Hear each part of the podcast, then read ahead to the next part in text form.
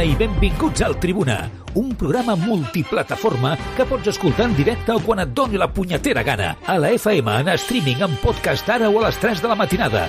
No tens excusa per no escoltar el Tribuna Marca amb Joan Prats.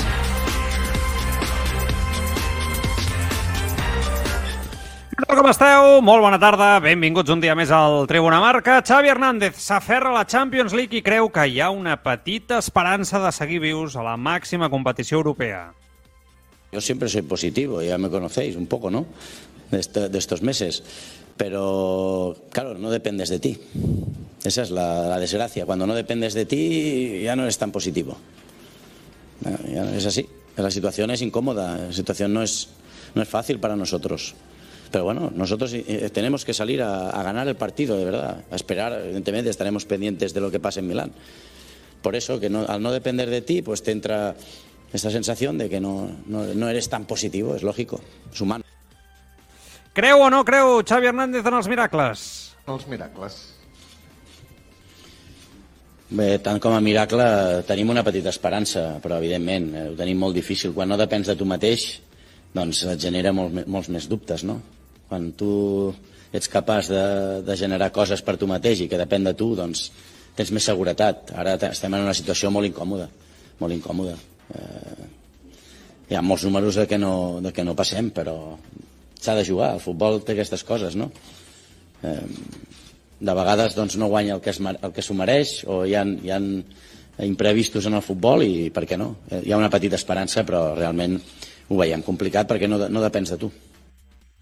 Una petita esperança és el que diu l'entrenador del Futbol Club Barcelona, un Barça, per cert, que ha pogut introduir a la convocatòria de a Gavi. No arriben Christensen i Memphis Depay, que en un principi no van a ser-hi. La veritat és que el to de la roda de premsa d'avui de Xavi Hernández ha estat tot en una línia positiva, però realista alhora, no? tenint en compte que no vol, sobretot, exigències, no vol exageracions sobre una possibilitat que, insisteixo, podem somiar, podem fer volar coloms tots, ens podem motivar amb una victòria del Victoria Pilsen, un empat davant de l'Inter de Milà i tu després guanyar a les 9 de la nit al Bayern de Múnich. Però el to era molt clar, els deures s'havien d'haver fet l'altre dia davant de l'Inter de Milà, es va fallar, sí que ha tornat a repetir i de nou allò, ara escoltarem alguns talls més de Xavi dient que la, aquesta Champions havia estat molt cruel amb el Futbol Club Barcelona i que, si s'ha de jugar a l'Europa League, es lluitarà per guanyar la competició, la segona competició europea. Un to realista, però amb una petita escletxa. El miracle, que és el que necessita el Barça. Carlos Rojas, què tal? Bona tarda, com estàs? ¿Qué tal? Buena tarde. Pues ganas de És un Champions. miracle, pràcticament. Eh? Xavi no Sí. vol sentir parlar de miracles, però pràcticament el Victoria Pilsen té el nivell que té per guanyar un partit, per empatar un partit davant de l'Inter. Juguen a casa, i jo no sé si el Barça potser els ha, els ha enviat algun malatí o alguna recompensa si guanyen d'alguna manera. Ja sabeu que això és molt antic en el món del futbol. Jo sempre dic que les primes per perdre, horribles, sancionades tant sí com no, però que les, les primes per guanyar, pues, pues, vale, pues, un- no trobo cap es- problema no, al, al Exacto. respecte. Bueno, no hi creiem massa, eh? En lo de demà, Carlitos, així a forma de titular ràpid, de moment no, eh? Cor- no... cortita, cortita y al pie. Para mí el, el Barça, el rival de mañana es el Inter. El Inter es el gran rival de mañana. O sea, si el Inter hace un partido decente, gana el partido. Si se bloquea, se encuentra en una situación que, Que ya podría ser, ¿eh? O sea, si hay algún equipo que le puede pasar, también es el Inter, ¿eh? Hay que decirlo Exacto. también. Es que venimos de temporadas en las que el Inter se ha complicado el solo la vida en la fase de grupos, precisamente Champions. El año pasado Sí, rompieron esa barrera mental cuando se metieron en octavos y cayeron ante el Liverpool. Pero es un equipo que se complica mucho la vida, históricamente en fase de grupos de Champions. Por tanto, para mí, más que el Victoria, el gran rival mañana es el propio Inter. Para el Inter, tío. És veritat que guanyar 3 a 4 a la Fiorentina, eh, eh, va guanyar el Salernitana 2 a 0, 3 a 3 amb el Barça, 1 a 2 al Sassuolo, 1 a 0 davant del Barça també. Vull dir que diguéssim que aquest eh, mes d'octubre està sent per primer cop a la temporada el, primer, el mes d'octubre on l'Inter està trobant el seu camí, no? Eh, després de perdre amb l'Udinese, la Roma, no? havia començat francament malament, també recordo aquella derrota 3 a 2 amb el Milan no? a l'inici de, de, de setembre, per tant, sembla que a poc a poc aquest Inter, doncs, insisteixo, s'està entonant en base just també en el moment en el que està amb el Futbol Club Barcelona. Bé, en directe a través de Radio Marca Barcelona, a través de radiomarcabarcelona.com, una tarda més a través de l'aplicació disponible per iOS i per Android, com sempre, a través de tots els que ens escolteu, a través del podcast Spotify, Apple Podcast, Google Podcast, iVox, eh? magnífica aplicació de, de podcasting, a través del canal de YouTube i, com sempre, a través del Twitch, twitch.tv barra el Tribuna. Ja estem, ja veig que van arribant a poc a poc al xat el DJ Jols, el Juanito Guapito, el José de Mataró des de YouTube, el Togromi, el Gabriel Bailón. Bona tarda a tots, eh, esteu ja saludats i ara anirem llegint els vostres missatges. Ja veig el José de Mataró que diu Lewandowski en tres paraules, el puto amo. Sí, la veritat és que no li, no li podem treure la raó. Avui li han, li han demanat a, a Xavi que defineixi a, a Lewandowski en, en tres paraules, em sembla també, li han fet la mateixa pregunta, i he dit gol, crec que era gol gol guanyador, crec que era, i l'altre no me'n recordo, eh, però així, això li han preguntat eh, un periodista polonès que hi havia avui per la, la sala de premsa en la prèvia d'aquest enfrontament davant del Bayern. A través del, del Telegram, eh, que també és important, estem ja també en directe, que yo no sé, Carlos, si deberíamos de leer los mensajes de Telegram también sí, de los oyentes que, entran. Sí, sí, es verdad. A veces están entran. ahí y, va, y, van poniendo también mensajes y, y, yo creo que a través del grupo, en directo, mientras vamos nosotros también eh, comentando la actualidad y también algún mensajito, ¿no? Si son durante el programa, pues también les deberíamos si de leer en leemos. ¿Verdad que sí? Perquè hasta Telegram, recordeu, eh? Tribuna Barça, eh? És el, el Telegram Tribuna Barça. Bueno, a veure, eh, ja ho hem dit abans, eh? Que la, la sensació és... Eh, mira, el Víctor Blasco diu que ha dit qualitat, golejador i guanyador. Eh, exacte. Han estat les tres paraules que ha dit Xavi. Vale, perfecte, doncs ho ha fet millor que jo, el, el Víctor. Que al final, tragues la roda de premsa d'Eric, la de Xavi, no? Estàs amb mil històries i, i no ho retens tot. Aquesta és la, la realitat. Bueno, a veure, eh, deia jo abans una mica, Carlos, que, que he vist un Xavi molt realista, però sense intentar que l'eufòria eh, es desemboqui en alguna irreal, no? I em sembla molt prudent. Ho dic perquè la tendència en això del futbol moltes vegades és somiar. Somiar. Jo l'altre dia a TV3 allà amb el Víctor Pats em preguntaven creus en el miracle, Joan? I, i vaig ser l'únic, no és per res, no? no és que jo sigui especial, però vaig ser l'únic que va dir que no, que no creia en el miracle. Que creia que la situació era la que era i que la realitat és que el Barça havia fallat davant de l'Inter de Milà i que ja s'havia complicat la vida, que no creien el Victoria Pilsen. Però, bueno, per exemple, Pere Cullell, que estava allà a la tertúlia, deia que sí, no? Eh, jo crec, a veure, no sé què, tal. Bueno, eh, a mi em sobta, no pel Pere, eh, sinó que, que hi hagi gent que hi cregui, que després passa ostres, ja parlarem demà, no? que estarà el truco també amb nosaltres en la prèvia. Demà serà un programa molt especial, perquè ens agafarà amb el Victoria Pilsen i amb l'Inter en directe. Ah, I després, Claro, claro. I després amb la prèvia del Barça amb el Bayern, vull dir que serà un programa que segurament l'allargarem, el farem una mica més llarg des de les 7 de la tarda i ja anirem comentant, no? A partir de les 7 ens estarem aquí, just quan comença el partit, i a partir d'aquí, pues, suposo que fins a dos quarts, ben bons... Jo crec, yo creo que a las ocho y media ya sabremos qué ha hecho el Victoria. contra, contra sería el curioso, no, no quiero ser malo, pero sería curioso estemos aquí reaccionando al a un hipotético, bueno. pongamos 1-1, ¿eh? Inter Victoria Pilsen. Y no, lo, de aquí no nos movemos. Luego ¿no? el Bayern, y luego que el Bayern gane el Camp Nou, ¿no? Sería ya. muy cruel. Ah. Sí, sería muy cruel, sí. No, de hecho, yo soy de los que... Ahora, ara escoltarem, eh? Parlar del, del Bayern i tal. Jo soc dels que pensa que el Barça ha de guanyar, tant sí com no, el Bayern de Múnich, per trencar ja amb una etapa definitiva, horrible, contra el Bayern de Múnich. Molt dolenta en els últims temps, amb molts resultats humiliants. Jo crec que és segurament el rival que reflexa aquesta etapa lamentable del propi Barça, no? dels últims anys, molt dolenta, com dic, no cal recordar els resultats i els moments complicats que tots hem viscut, i a partir d'aquí, doncs, bueno, fa la sensació que és un passi el que passi, encara que estiguis eliminat, guanyis el Bayern de Múnich, et demostres que pots guanyar el Bayern de Múnich i donis un pas endavant. Em sembla que això és vital per l'equip. Insisteixo, jo a Xavi avui l'he vist raonablement, intel·ligentment, cauta. Mm, tú imagínate que hoy Xavi hubiera salido y digo, bueno, vaya, mientras haya vida y esperanza, no sé qué, no, no sé qué. Hostia, la gente se sube al carro y otra decepción, ¿no? O sea, parece que ha sido muy consciente de lo que vive ahora mismo, eh, la situación que vive el Barça en Europa, que es una mala situación. O sea, irse a Europa League es una mala noticia que tiene. Yo, yo, yo diría, si tengo poner tanto por ciento, diría que 99% estamos en la, Europa, en la Europa League. Fíjate, ¿eh? Lo que digo. Sí, pero al final, yo no sé si llegaría a 99, pero es que, insisto, bueno. eh, ahora lo decía un poco de coña, ¿no? Pero eh, es cierto, si el Inter, por lo que sea, pincha contra el Victoria, yo no creo que vaya a perder, pero por ejemplo que empata, ¿no? Que sale mal partido y empata, no, no pasa de empate, 1 a 1. eh, el Barça tiene que ganar al Bayern. El Barça viene después de hacer una buena semana, una muy buena semana, de hecho. Pero el Bayern de Múnich es un equipo Sí. al que Oye, que el Bayern se juega a ser primero, ¿eh? Que si falla en el Exacto, Camp Nou que- se la juega con el Inter, o sea, poca y broma. y ¿eh? que no vienen a pasear. Yo ya sabemos No. que el Bayern con el Barça hay un poco de inquina, ¿eh? Bueno, mira, mira, mira, mira a Müller, oye, cuando ha llegado a Barcelona, mira. Mira, mira, Levi, willkommen. No sé. Hier, schaut schon mal, ey. Osterhase, mach mal deinen Hut runter. Ja, jetzt. Hi. Cosas No, de... no, no se entiende nada. Eh, eh, aquí en el Twitter Decía- se ha visto. A ver, decía- si, lo- a ver si eh, se ve ahora. Nada, A ver. nada, no sé. Levi, willkommen. No sé, bueno, Levi will básicamente, coming, eh, eh, Levi estamos viendo Lewandowski, eh, básicamente, es, es el cachondeíto del Bayern. O sea, Se hay parte- que, Y se parte la caja, ¿eh, Müller? Para que Claro, no o sea, hay, que frenar esta euforia que tiene el Bayern de Múnich cada vez que se enfrenta contra el Barcelona. O sea, esto se tiene que acabar. El Barça tiene que frenar esto de una puñetera vez. Es que eh, jugar contra el Barça es sinónimo de, de victoria asegurada para los alemanes en los últimos tiempos. Esto no puede ser. Esto no puede ser.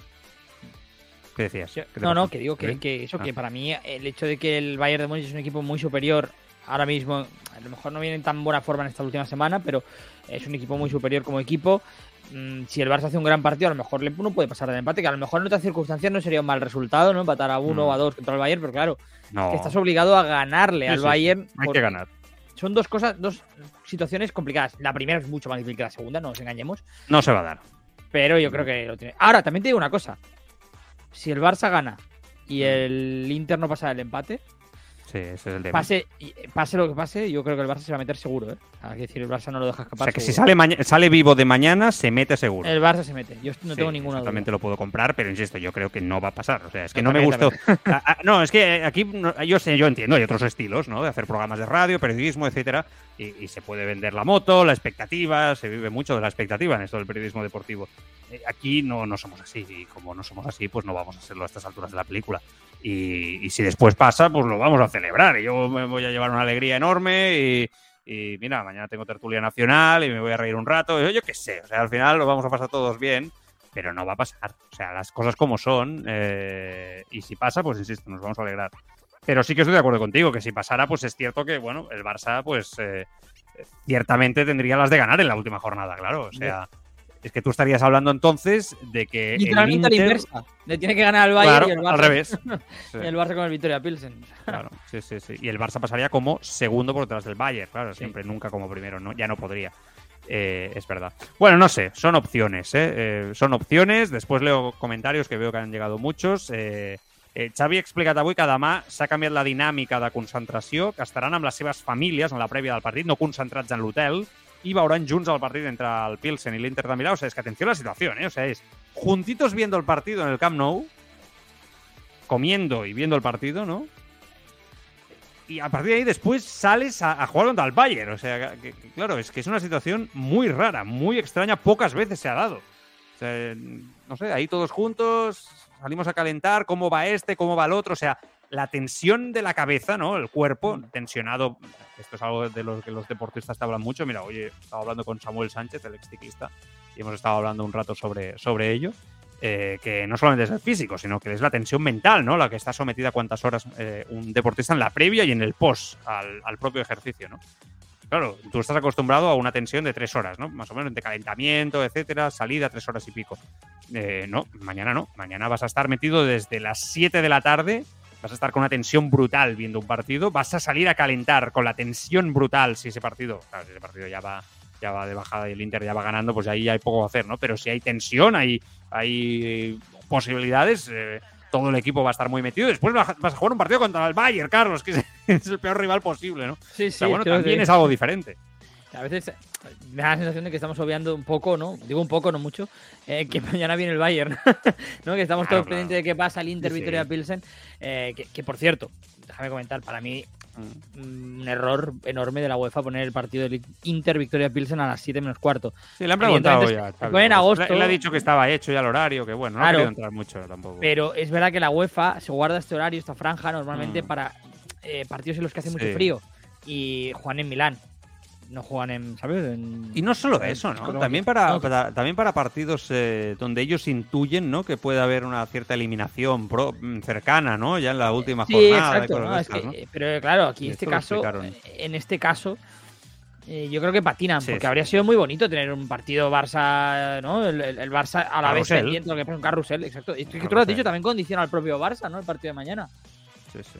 No, es que, claro, jugando. Seguramente hoy Xavi diría, nosotros vamos a salir a ganar, a hacer nuestro partido y luego ya veremos. Hoy no Sí. es ese mensaje. Porque Si aún fuera en la República Checa, ¿no? Aún tendría. Porque dices con el frío, yo qué sé. ¿no? Cuando un el Barça vaya la semana que viene, entendería que, que fuera así. Ah, Sí, pero, pero bueno, en fin. Bueno, que, que sí, que tienes toda la razón. Bueno, pues eso, que ha cambiado un poco la dinámica de la previa, eh, que no se concentran, que verán todos el partido juntos. eh, i que és important. Tampoc, tampoc creu que sigui un problema eh, que els dos partits no coincideixin a nivell d'horari. Eh, és el que ha dit Xavi. Un dels grans dubtes de demà és saber com s'encara el partit davant del Bayern. Com ara mateix dèiem, depenent de si el Victoria Pilsen eh, li ha pogut fer o no el favor al Barça, improbable, però aquesta és la realitat. Un Xavi que demana que la sensació de confiança que està tenint el Barça en els últims partits doncs segueixi, que la dinàmica segueixi, passi el que passi en el partit entre l'Inter i el Victoria Pilsen. Bé, jo espero un, un rival molt intens, molt físic, eh, tàcticament molt ben treballat, és un rival eh, que nosaltres considerem dels, dels millors equips del món actualment. No? Eh, llavors tenim un, un partit important per nosaltres, eh, independentment del que passi a Milà, nosaltres hem de guanyar el partit, hem de demostrar doncs, que estem al, a aquest nivell, crec que ho vam demostrar en el joc al partit d'anada, a, a Múnich vam estar molt bé però no vam ser efectius, doncs demà hem de demostrar amb, amb joc i amb victòria doncs, que, que el de Múnich doncs, doncs va ser realment una, una desgràcia futbolística, no? perquè és el partit repetit i sembla mentida doncs, que no puntuessis, que ni puntuessis. No? Però és així, el futbol té aquestes coses. No? Estem en aquesta situació per errors nostres, hem de ser autocrítics, no, de, no depenem de nosaltres mateixos, i, però hem de demostrar que, que podem estar al nivell d'aquest tipus d'equips, independent del, independentment del que passi a, a Milà abans. ¿no? Yo tengo la sensación incluso que, que Xavi piensa más en, en, en lo que puede ganar el equipo eh, ganando al Bayern de por sí para el resto de la temporada, de crecimiento del propio equipo, etcétera, que en el tema Champions. O sea, después de haberlo escuchado hoy, me da la sensación que él está muy encarado en ganar al Bayern para por fin ganar a un grande, ganar la confianza, sentar un poco el proyecto en este año y él lo tiene prácticamente descartado.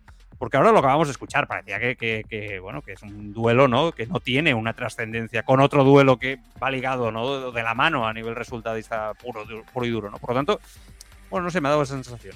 Es que no, no, al final hay que ser sinceros. El, el sí, Barça que, que puede encontrarse con una situación muy positiva si el Inter falla, evidentemente, pero tiene que empezar a mirar lo que es, ¿no? Más allá de, de, de ese partido que no depende de sí mismo el Barça. Por tanto, si el Barça llega a las 9 de la noche, ya se sabe eliminado, ¿no? Desde hace una hora, porque el Inter por lo que sea va 3-0, tiene, que, tiene una oportunidad. Tiene, tiene que ver el partido con, contra el Bayern como una oportunidad para confirmar las buenas sensaciones que viene transmitiendo desde el pasado miércoles, ¿no? Contra jueves, perdón, contra el Villarreal.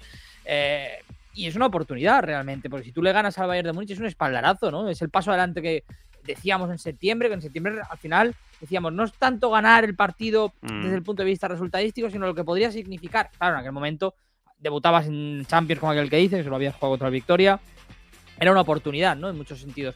Ahora, como la sensación es que el Barça está eliminado de la Champions y que en Liga, ¿no? Venías de perder el clásico, ya la temporada estaba muy torcida y ya el partido del Bayern ya no lo afrontabas igual. Pero para mí es una oportunidad realmente. Si tú le ganas al Bayern de Múnich, pues eh, al final, desde el punto de vista pragmático, el resultadístico no es tan importante como haber ganado en Múnich o como haber ganado al Madrid en el Bernabéu, claro. pero está claro que es un refuerzo moral brutal de cara al futuro en la temporada. Muy Ahora, importante. que ganar.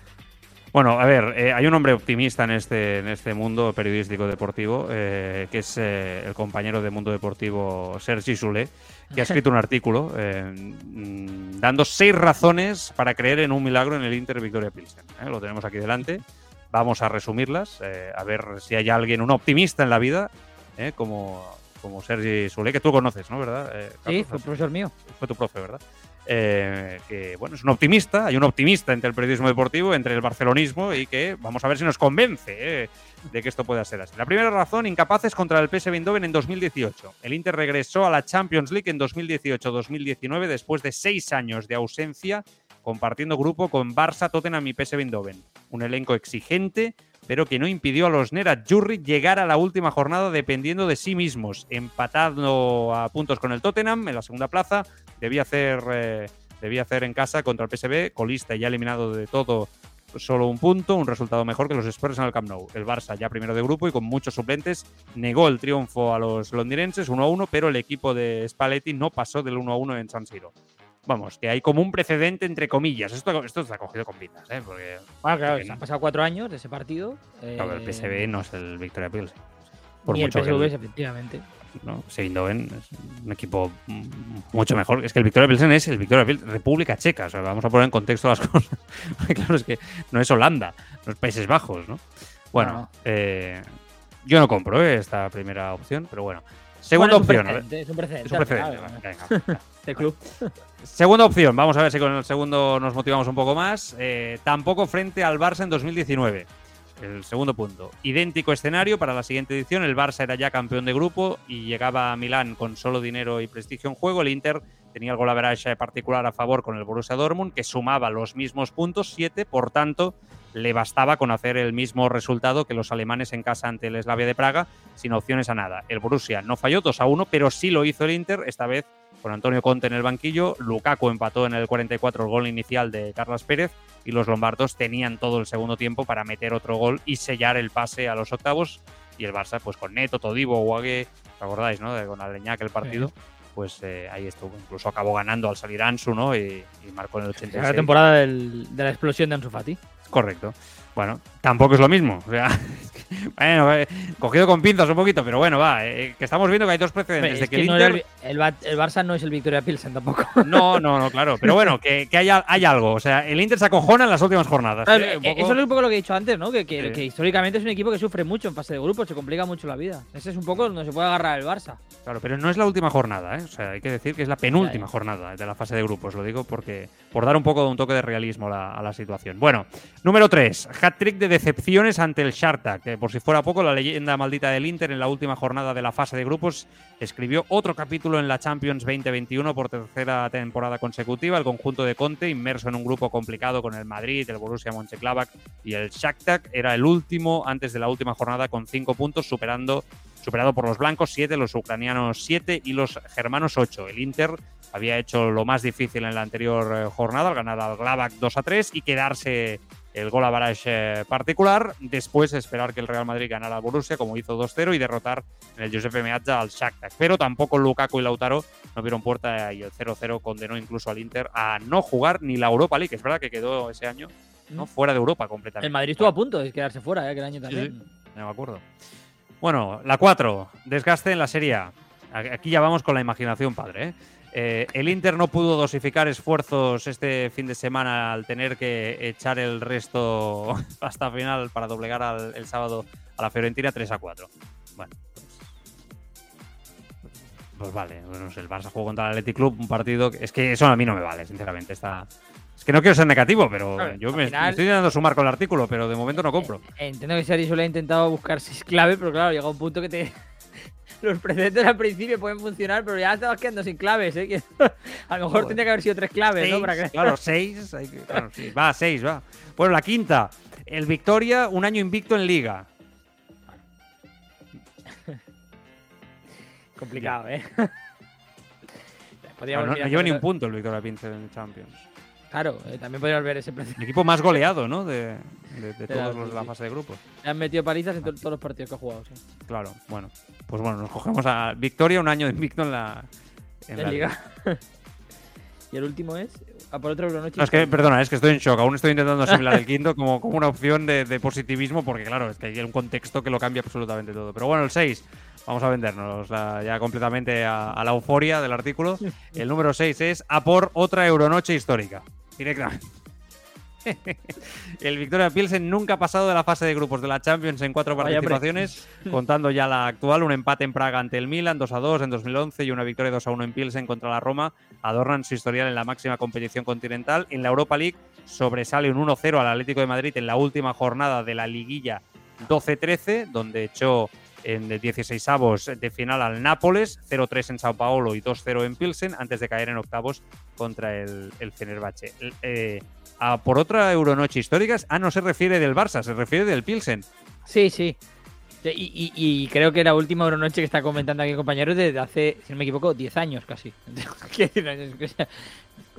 Me ha gustado porque luego acaba el artículo eh, haciéndote la encuesta de ¿qué crees que va a pasar? Va. Sí, Después hay una encuesta. sí, claro. yo, yo entiendo, ¿eh? Oye, que- hay, que hay que sumarse a la euforia, ¿eh? Pero, macho. Bueno, en fin, que cada uno publique y habla lo que quiera, pero también nosotros lo podemos analizar, ¿no? Bueno, lo teníamos ahí preparado para comentar un poco, para ver si nos convencía o no.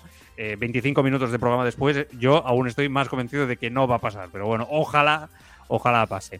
Eh, seguim escoltant talls de, de Xavi, d'aquesta roda de premsa de- d'avui. Després escoltarem també una miqueta de, del mateix eh, Eric Garcia, que ha parlat davant dels, eh, dels mitjans de comunicació una, una mica abans i amb molt bon criteri. Eh? La veritat és que que bé parla aquest noi, que bé que té al cap eh, Eric Garcia, que ben amoplat i com respon a segons quines preguntes un pèl delicades. Bueno, ara, ara ho escoltarem. Ha parlat Xavi sobre els canvis tàctics, eh, canvis tàctics dels últims partits, eh, sobretot el que li aporta l'equip, eh, amb un migcampista més, etc i nega que l'equip jugués l'altre dia amb un 4-4-2, com s'ha dit. Sí, depèn del, depèn del partit. El que ens dona doncs, és més, potser més seguretat en pilota, no hi ha tanta pèrdua, ha més, eh, tenim el mig del camp més poblat, hi ha sempre un home lliure l'altre dia, l'altre dia hi havia un home lliure, potser el Bayern després t'ho iguala, o hi ha equips que t'ho igualen, surt un lateral i es posa de migcampista, no? és una mica aquesta lluita tàctica no? dels, dels entrenadors. L'altre dia crec que vam estar molt bé, vam entendre bé, eh, teníem un home més al mig del camp, sortíem d'aquella pressió alta que feia molt bé l'Atlètic, que fa molt bé, i demà doncs, hem preparat també algú per atacar millor, per tenir més la pilota, per, per intentar imposar el nostre model de joc, que no canvia, no, no és que canviéssim el sistema, el sistema no el vam canviar, perquè bueno, també he sentit el 4-4-2 i... No, no, o sigui, el 4-4-2 no, no l'hem fet mai, no l'hem fet mai.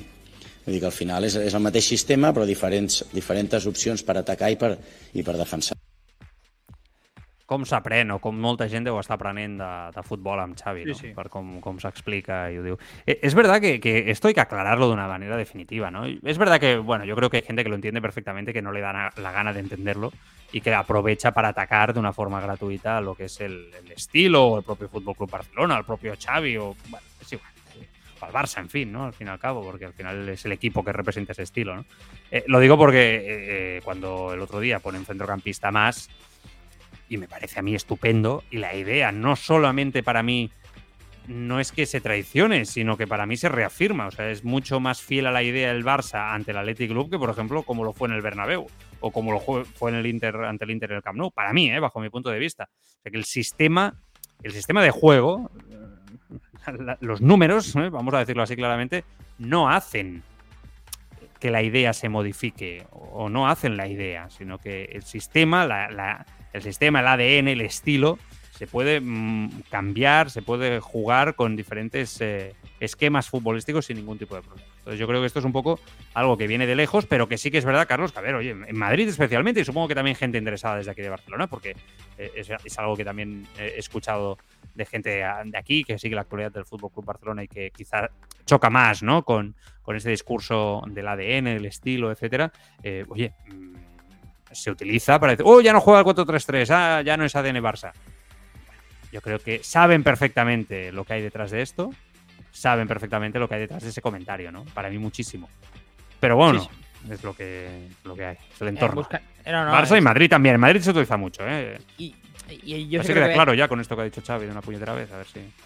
bueno, al final no es una cuestión de desconocimiento, Joan, es una cuestión de intención, ¿no? Como tú Ah, decías. manipulación. Lo que, lo que- eh, exacto, tú lo, lo haces interesadamente y ya está. Eh, yo escuchaba a Xavi y al final me acuerdo de, de una cosa que es un cliché, ¿no? Que se dice mucho en el mundo del fútbol, porque Mm. a veces conviene recordar, ¿no? Y es que Sí.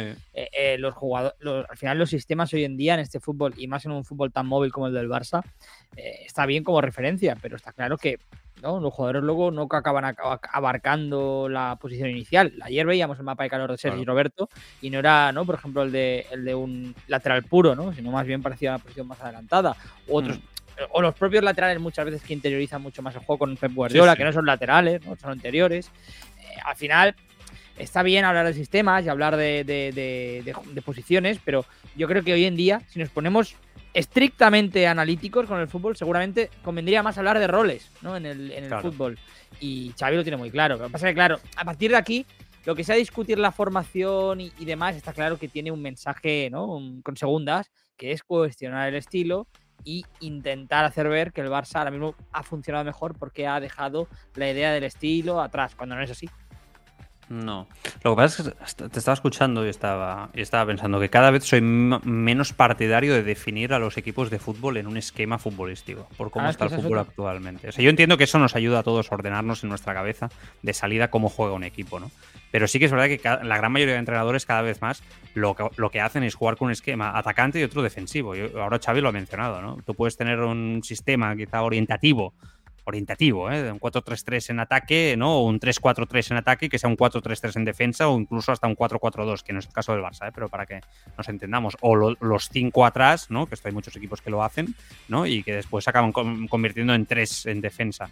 Bueno, pues eh, cuando atacas. Son opciones. Al final creo que nos puede ayudar a todos, pero sin encasillar. Y cuando el propio sistema se está utilizando para atacar al equipo, algo falla con el esquema, no? A això un poc me, me, me refiero en, en si. Però bueno, eh, de seguida escoltem més talls de, de Xavi, sobretot parlant de, de Sergio Busquets, perquè avui ha fet una defensa forta i contundent, eh, de Sergio Busquets en roda de premsa l'entrenador del Barça, però comentaris a Twitch i a YouTube, twitch.tv barra el Tribuna, i al canal de YouTube també, i si hi ha alguna cosa a Telegram també durant fem, mentre fem el programa, Tribuna Barça, el Telegram del Tribuna, doncs també ho, ho llegim. A ver, Carlos, ¿qué dice la gente? Va. Algunos comentarios, por ejemplo, Palala 777 decía, el periodismo solo vende grandes titulares, hay que generar expectativas. Contra eso, difícil bajar el suflé. Eh, por otra parte, Turomi comentaba, habría que ganar al Bayern independientemente de lo que haga el Inter. Se aprendiz X decía, no es un equipo muy superior, dice el Bayern. ¿eh? Allí nos ganaron con dos puñaladas y cerraditos atrás. Por otra parte, Gabriel Bailón 5. El Inter creo que va a golear al Victoria. En ningún momento el equipo ha dado guerra en Champions. José mm. de Mataró decía, aunque estemos eliminados, hay que salir a ganar por dos motivos. Primero, para seguir en línea ascendente. Y segundo, por las calés, por los tres puntos. Sí, sí, claro, es que la cuestión económica en este club sigue siendo importante. O sea, ganar no sé cuántos millones de euros ahora mismo es vital. Paga unas cuantas nóminas y tapa, tapa agujeros. Hmm. Power Jimmy Gurux decía, sinceramente creo que para el proyecto es mejor seguir en la Europa League y tener opciones de título a ir a que nos eliminen en octavos. Bueno, ojo la Europa League este año, ¿eh? porque eh, va a ser una Europa League. ¿Qué dices, Carlos? Con los, tiburones. Pero bueno, yo sobre todo pienso en el Arsenal de, Arteta. No, no, no, digo que vienen los tiburones, ¿no? De Champions, como decía ah, Sí, Pero bueno, que sí que es verdad que la Juve, por ejemplo, puede caer también, ¿no? Que puede ser uno de los equipos que, que caiga. Eh, vamos a ver, ¿no? Qué pasa también con, otros, pero, pero tranquilamente te puede salir por ahí un Ajax, eh, un Atlético de Madrid, ¿no? Si me apuras, eh, seguramente también.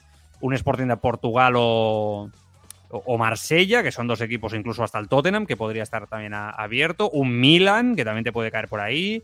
no sé, un Shartak Donex o un, Leipzig, que, que, también podría, podría caer. Sevilla a priori también va a estar, ¿no? Si el Copenhague no lo. Ya veremos. Sevilla este año está para. Bueno, bueno, pero oye, que la temporada es muy larga, que después en febrero el Sevilla se ha recuperado y ya te compite tú a tú y ya te ha complicado la vida. Lo que digo de la Juventus, ¿no? También que, seguramente va a estar por ahí, más todo lo que viene con, la, los equipos que ya están en la propia en la propia Europa League equipos buenos, equipos eh, importantes, eh, como el propio Arsenal, el PSV Eindhoven, el mm. propio Betis, eh, que tiene un buen equipo, la Roma, que decía ahora Carlos de, de, Mourinho, el Manchester United, que, bueno, parece que se está recuperando un poquito, la Real Sociedad, la Lazio, que también está, está por ahí, no sé, no sé qué más, ¿me dejo alguno o qué, Carlos? Ninguno de los que has dicho en, su mejor nivel es mejor que el Barça. No, claro que no. el Arsenal bueno, el, Arsenal, sí. el Arsenal está al nivel, sí, es verdad. Al nivel, yo no diría que fuera mejor, ¿eh? así como te digo, sí que es mejor que, el Barça. Yo creo que serían los dos grandes favoritos, el Arsenal y, el, Barça para Europa Seguramente sí. Seguramente sí. Vale, más mensajes, perdona. Eh, la Porta Guinness decía, penso igual, Joan, Xavi no creo que l'Inter pugui perdre, normal. Per mi el més important és el nivell que doni l'equip. A mi personalment m'és igual al resultat. Tampoc guanyarem aquesta Champions. Vull veure com el Barça sotmet en pilota al Bayern. Eh? Espero que sortim amb els quatre de Jong, Busi, Pedri i Gavi. Jo també. Jo espero que surti a dalt eh, amb, amb, aquest, amb, amb aquests quatre mitjampistes i espero que surti amb Ansu Fati i amb Lewandowski. El que passa és que crec que no ho farà, eh? Sortirà Dembélé, perquè ja sabem tot el que suposa Dembélé per, per Xavi. Sí, sí, sí. Però, però jo, a mi m'agradaria que sortís amb Ansu i, i Lewandowski, i al darrere, demà ja ho repassarem, eh? eh perquè a més sortirà l'11 mentre estem fent el programa, però farem una prèvia especulant com sempre, però crec que al darrere, a mi particularment m'agradaria, Ter Stegen em portaria, òbviament, m'agradaria força que, que jugués banda esquerra Valde, centrals Marcos Alonso i Eric Garcia i eh, amb Condé a la dreta, com a lateral dret.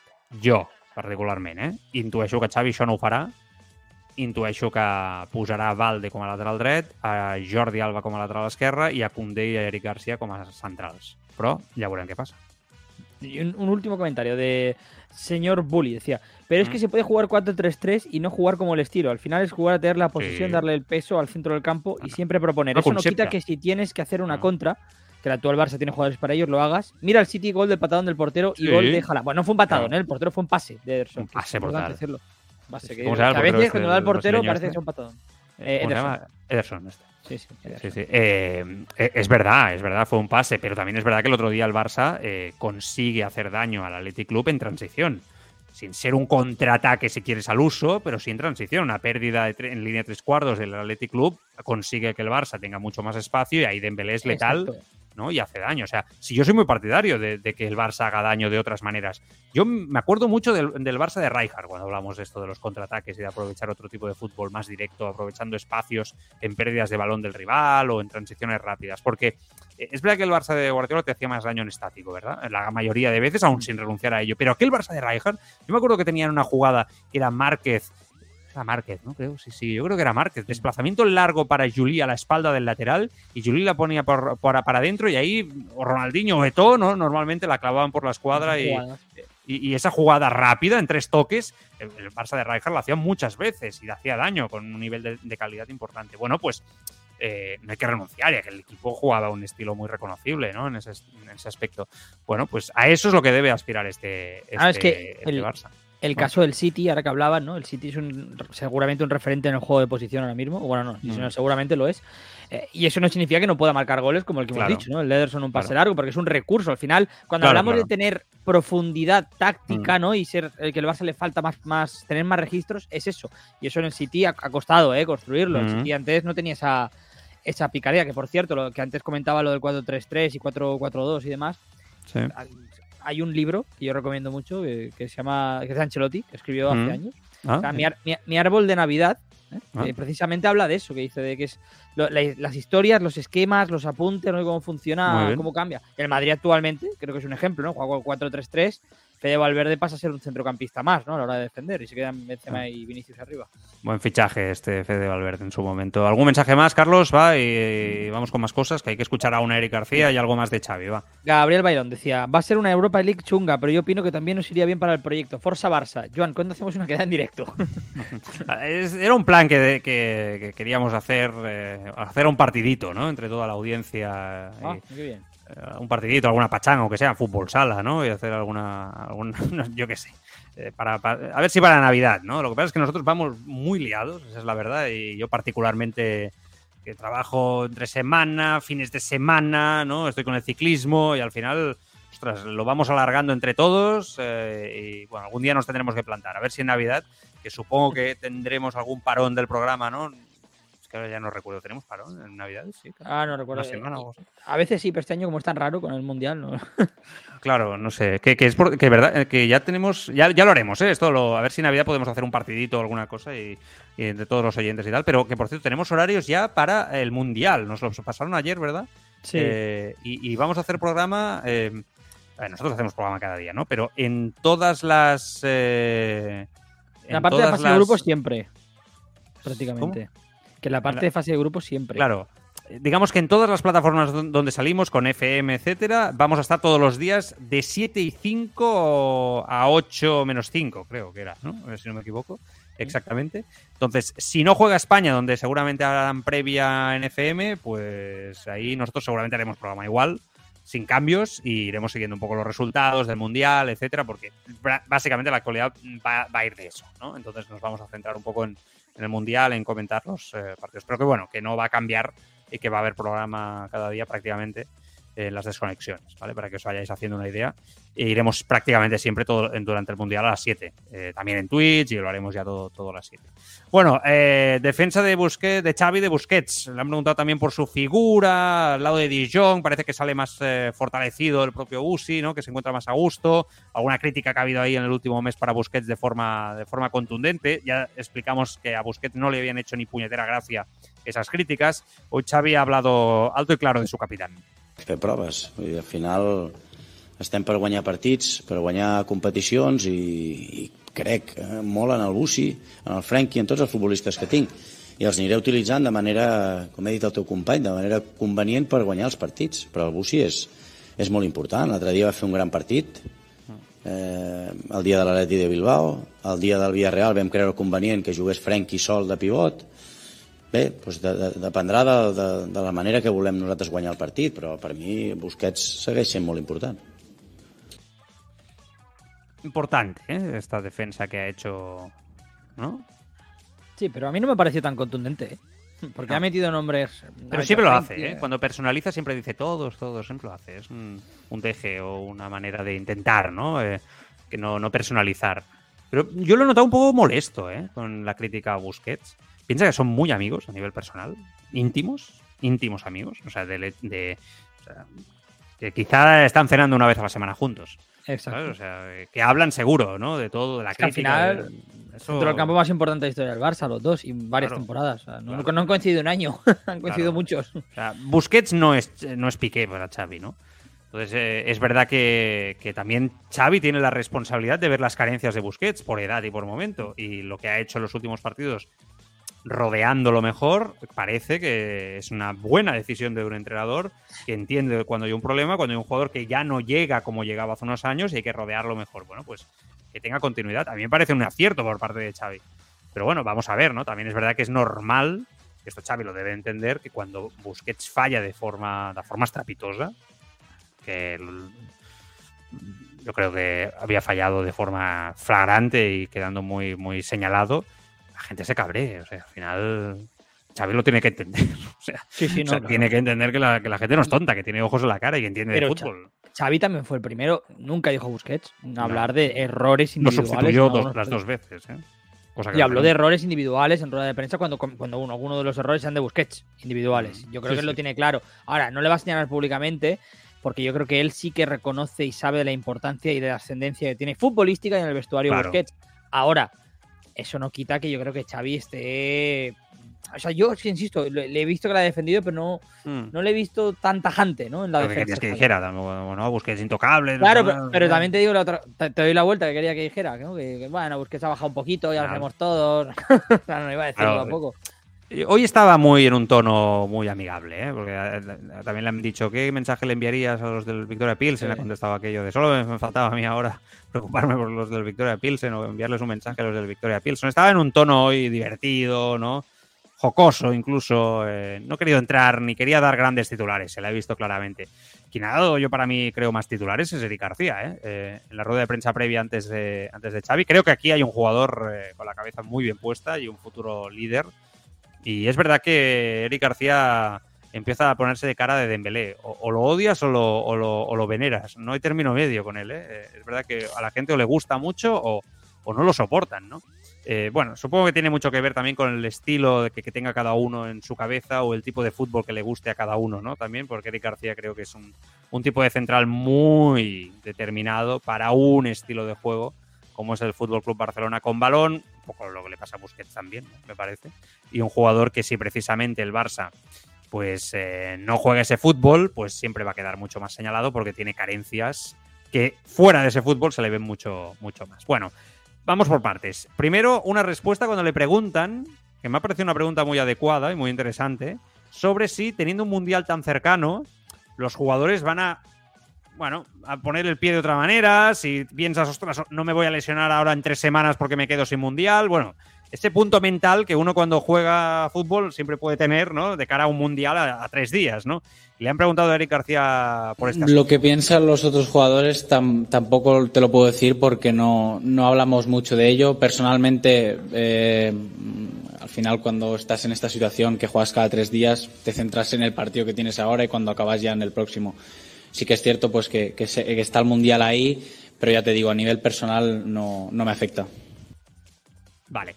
Él con- contesta esto. Yo me mojo, estoy convencido que hay muchos jugadores que están jugando, no sé si con el freno de mano o con el mundial en la cabeza. Y me parece normal, no sé si hasta qué punto profesional o 100% profesional, pero entiendo que, bueno, pues mundial lo puedes jugar una vez en la vida, quizá. Pero estoy seguro que está pasando. Convencido, vamos. Hombre, y más viendo que estamos eh, encontrándonos ya con los primeros jugadores, ¿no? Estas, estas jornadas que por una lesión de mes y medio, dos, Vaya palos le están cayendo a Eric, por cierto, en el chat, ¿eh? Ahora, ahora lo lees. Sí. Te digo Bueno. que hay jugadores en, en Premier, ¿no? En diferentes ligas, no solo Premier, que se están ya Mm. lesionando para un mes y medio o dos, que no, al, final, al priori no es una lesión grave, ¿no? Pero bueno, Mm. ya significa que te quedas sin mundial, ¿no? Ahora ya una lesión de típica de un mes te deja fuera, ¿no? En una lista prácticamente.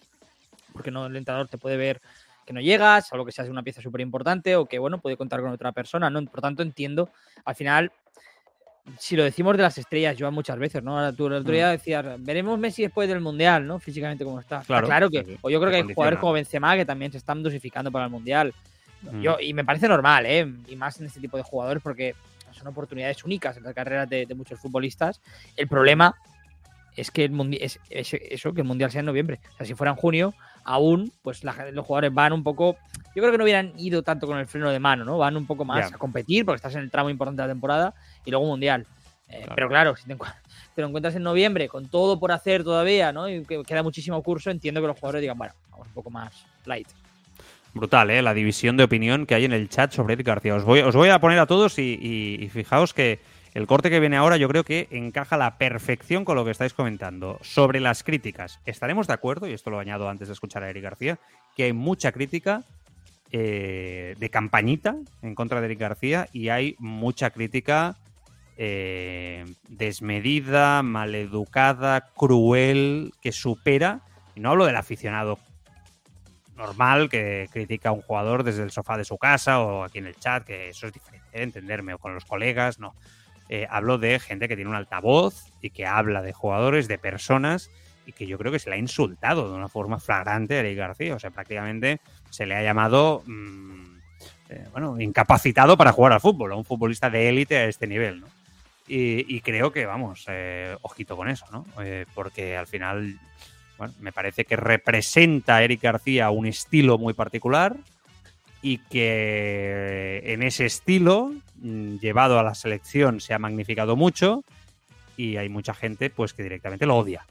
Lo odia, literalmente. Después te puede gustar o te puede gustar más o menos, o puedes entender que encaja más en un estilo, en otro. Es un jugador muy joven, no se puede olvidar, pero yo creo que ha habido una crítica desmedida y cruel con el, con el jugador, pero vamos, de una forma completamente exagerada. Especialmente cuando va a la selección española, ¿no? Porque es verdad que Eric García ha cometido fallos, también en el Barça, ¿eh? David Bernabéu le ha preguntado por ello, eh, las críticas, si le afectan, no le afectan, cómo se las toma. Y para mí la respuesta de Eric García es de jugador muy maduro y me gusta que un jugador tan joven reaccione, reaccione así. Eso se tendría que preguntar a, la gente o a las personas que, en este caso, pues cuando, cuando hay un error, eh, se, entre comillas, se ceban. Es algo que no puedo controlar. Eh, como tú has dicho, yo estoy centrado en jugar eh, cada partido lo mejor que pueda, hacerlo mejor. Obviamente nadie juega para hacer errores, eso está clarísimo. Lo que vengan, de dónde vengan las críticas, pues no sé. Ellos nos dirán el porqué y de dónde vienen. Este final y esta risa lo dice todo. Ellos nos dirán el porqué y de dónde vienen, ¿no? Como diciendo, es que hay un interés ahí y me cogen a mí. Sabe muy bien por qué se lo pregunta y por quién ah, se lo pregunta está claro. es que este chaval eh, ha recibido de una forma muy exagerada, no quiero ser reiterativo, pero creo que ha sido muy injusto. Ahora os voy a dar mi punto de vista sobre las campañitas que ha habido en contra de Eric García, etcétera, etcétera. Creo que son claramente una manera de darle a Luis Enrique, al, seleccionador, de forma clara, de forma clarísima. O sea, creo que es eh, una manera de aprovechar a un jugador muy identificado con el estilo y es no le voy a darle a Luis Enrique, porque no soy valiente para darle a un, seleccionador que te lleva con una plantillita justita hasta donde te lleva y le voy a dar al chaval de turno que pasaba por aquí que representa un estilo. Insisto, más allá de nos guste más, menos. Después, sobre el nivel de Eric García, para empezar, es muy joven. Yo creo que nos olvidamos a veces de los jóvenes que son eh, estos futbolistas que están actualmente en el Barça y que hay otros jugadores mm, que fueron muy importantes en la historia reciente del Fútbol Club Barcelona que explotaron tarde. O sea, al final eh, es verdad que, hay muchos casos que hasta los 25 años no afianzaron su, fútbol. Estamos viendo el caso de Dembélé, aun con las miles de carencias tácticas que tiene, que hasta los 25 años no se ha encarado, ¿no? Definitivamente como futbolista. Entonces, ¿Eric García tiene carencias? Sí, ¿En qué? En que es lento y que cuando no tiene el balón, sobre todo en el uno contra uno, a veces a la hora de defender, le cuesta. Ha mejorado mucho este año, hay que decirlo. O sea, este año ha empezado mucho mejor que el año pasado, que en eso era bastante coladero. Ahora bien, es un central que para el estilo de juego del Fútbol Club Barcelona es un central que le puede dar muchísimo, no solo como central, sino también jugando como pivote. Es algo que yo no descartaría ver en más de una ocasión, como he dicho aquí muchas veces. Eh, creo que es un jugador nivel Barça. Pero claro, el Barça tiene que jugar pues muchas veces a lo que, a lo que quiere jugar. O sea, eh, fijaos que cuando el Barça ha sido más reconocible, Eric García no ha sufrido tanto, ni Eric García ha sido un central que ha salido tan retratado. Cuando el Barça se ha traicionado a sí mismo, Madrid, Inter, etcétera, bueno, pues un tipo de central como Eric García sufre mucho, es verdad. Es ese hándicap que tiene, que tiene Busquets también, que, que son jugadores muy estilo Barça, ¿no? Muy hechos y nacidos para jugar en el Fútbol Club Barcelona y que si los sacas de aquí, pues seguramente van a sufrir. Y eso le pasa también con la selección española. De lo que se trata es de protegerlo al máximo para que explote sus virtudes como, como con cualquier otro futbolista. Y también veo mucha diferencia cuando Eric García juega al lado de Kunde y no lo hace en su lado. Que también eso se nota, Carlos. Por supuesto, que porque le rectifica mucho más. Para mí ese es el gran problema con Eric García, que son muchos condicionantes para que Eric García sea un jugador nivel Barça. Eh, yo creo que un central nivel Barça es un central nivel Barça en todos los contextos. Evidentemente hay contextos que le son más favorables y otros que le son más desfavorables, pero mm. un central que tiene nivel para jugar en el Barça o en Madrid eh, se nota, se ve. Y, cuando ¿Tú crees que no tiene, no tiene nivel? Eh? Yo creo que no tiene nivel para ser titular en el Barça. Yo creo que tiene nivel para jugar en el Barça, pero no para ser importante en el Barça. no tiene... Madrid. Exacto. No le veo un nivel Piqué ¿no? en su momento. Porque al final, fíjate, Piqué es un. Yo creo que nadie duda del perfil de central que es Piqué. Un central que ha sido técnico, ¿no? Pero que puede jugar con muchos metros a la espalda, pero también es bueno dentro del área. Es decir, tiene un estilo, que es el, del Barça, que le viene perfecto, pero en otro tipo de sistema, Piqué también rendiría, porque tiene las características. Eddie García es un central muy concreto, muy específico. En, un tipo de juego que, que, le vendría muy bien, porque potencia sus virtudes y minimice sus carencias. Y evidentemente creo que tiene nivel para jugar el Barça. Pero yo no le veo siendo el central, el gran referente del Barça y que vaya siendo la gran, que vaya teniendo parejas de baile, ¿no? ¿Me entiendes? Eh, como, como centrales. Eh, el Barça no, no puede construir su futuro en defensa en torno a él como titular. Ahora, que vaya a ser importante ah. en el Barça en, varios, en varias posiciones, ahora lo has puesto tú, caso Nacho en Madrid, que ha sido lateral, ha sido de central. En el caso de Eric García puede ser pivote, puede ser central. Yo no tengo ninguna duda de que sí que tiene nivel para jugar en el Barça. Ahora, importante no. Bueno, es verdad que ves a Araujo y ves a Cunde y los ves más hechos. Estamos de acuerdo. Pero también es verdad que el techo de Eric García a nivel de crecimiento yo creo que aún no lo hemos visto. Y vuelvo a insistir con el mensaje de, me gustaría simplemente acabar o rematar lo que has dicho con un de momento. ¿Sí? ¿Estás de acuerdo con eso? ¿Eso lo compras? Quiero decir, que este, este chico lo que está claro es que lleva tres años en, curva de crecimiento. Yo no, yo no, le yo no, descarto que pueda acabar siendo un grandísimo central. A día de hoy yo no le veo mm, le veo verde en, muchas cosas para ser ese tipo de Es una cuestión indiscutible física, de defensa pura. O sea, de, saber los conceptos defensivos. Es, es, curioso que con un defensa estemos hablando de esto, ¿eh? pero eh, sus carencias son físicas en muchos aspectos, estamos de acuerdo, ¿sí? Compramos hasta aquí y una carencia muchas veces de marcaje, ¿no? De, uno contra uno. sobre todo. Y, ahí es donde sufre, eh, porque es un jugador que se encuentra muy bien, que no es algo muy común para los defensas históricamente, con el balón en los pies se encuentra muy bien, mucho más cómodo que, sin él, ¿no? O defendiendo puramente. Bueno, pues por eso encaja también en el sistema del Barça. Hoy le han preguntado eh, a Eric García si, el estilo de los defensas de hoy en día, ¿no? Eh, son mejores con balón que defendiendo. bueno, no sé. Eh, a mí no me, da, no me da generalmente esa sensación que ha preguntado este periodista eh, hoy que le ha preguntado eso. ¿Tú tienes esa sensación de que hoy en día los nuevos, la nueva generación de defensas son mejores con balón que defendiendo sin él? No, al contrario. el, tema es que se, está mirando mucho ya lo de jugar con balón. Mm. Y eso puede parecer que mm, se le quite importancia al sin balón, ¿no? Y a lo mejor por ahí iba un poco la, la, pregunta del compañero, pero, En general yo tampoco compro. La gran referencia en defensa este, estos últimos dos o tres mm. años que ha sido Van Dijk, eh, Van Dijk con balón es un espectáculo, pero sin balón, nadie le discute. Y ha bajado un poquito, ¿eh? Lleva un año, ¿no? Un añito en lesión y tal. Eh, no, bueno, no, en la temporada pasada hizo una gran temporada, ¿eh? Pero este año está fatal. Este año está, está fatal, sí, sí. Eh, no, y estaba, estaba pensando el tema de, de que eso se puede mejorar. O sea, que, seguramente lo que ya tiene es algo que no se puede adquirir. O sea, cuando un, cuando un central es malo con el balón en los pies, en la salida de balón, etcétera, es algo en lo que el jugador difícilmente va a crecer. O sea, un jugador de 23 años que ya no tiene eso, difícilmente a los 28 va a fichar por el Barça. ¿Estamos de acuerdo?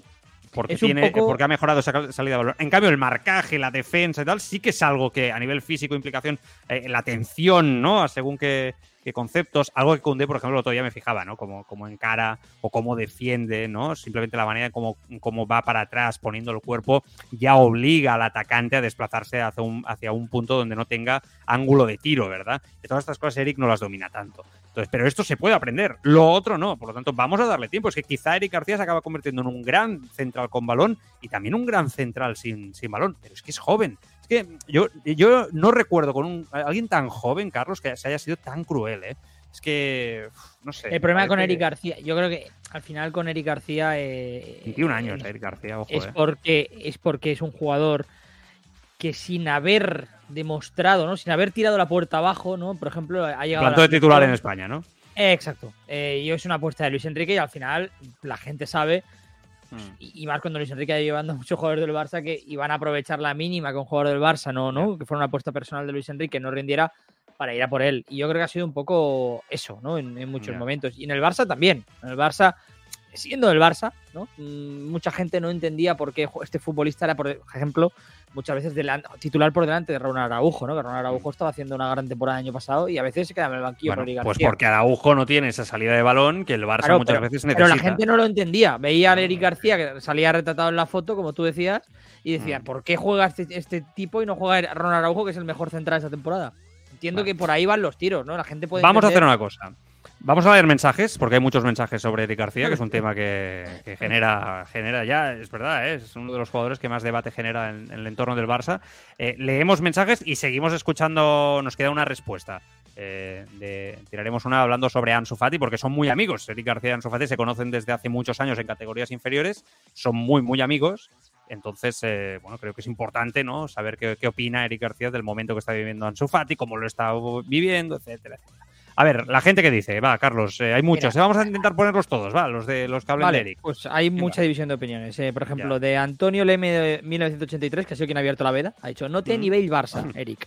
I luego dice, avui en dia es necessita un defensa molt físico, molt ràpid, y no es ni una ni la otra.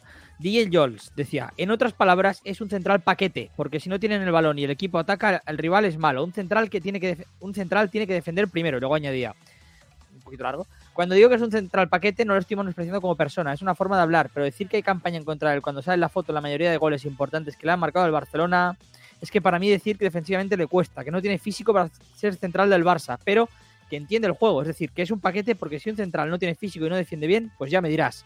Por otra parte, eh, aquí venían ahora los, los defensores. Tugromi, Eric Capitán, decía, y paciencia, que es joven. La Porta Guinness, decía, Eric tiene nivel, hay que insistir con él. A mí eh, me gusta mucho. Por ejemplo, luego a mí me decía, Carlos a Eric ya le falta mejorar en los duelos y en el marcaje. Dale un año, es respetable tu opinión, pero veremos. Gaspar barra baja PC decía, normal la campanya que anomenes, Joan, és un fixe per a Luis Enrique, que no, no cau bé per Madrid.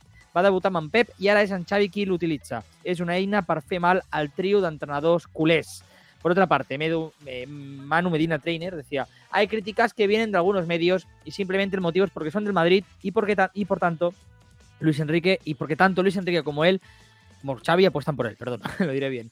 Gabriel Bailón decía, Eric García me parece un buen jugador con futuro, pero ha sido perjudicado en momentos y parte culpa por Piqué y Busquets. Cuando juega al lado de Koundé, Araujo y Christensen es otro central. Leirbach apuntaba, a mí Eric García me parece bajo y lento para ser un central y eso con la edad no mejora respecto a lo que tú comentabas. Un último apunte de Monty 1980 que decía, y se reía de Vinicius, vaya lumbreras. Bueno, en cualquier caso ya veis, ¿eh? Eh, no genera un consenso eh, No.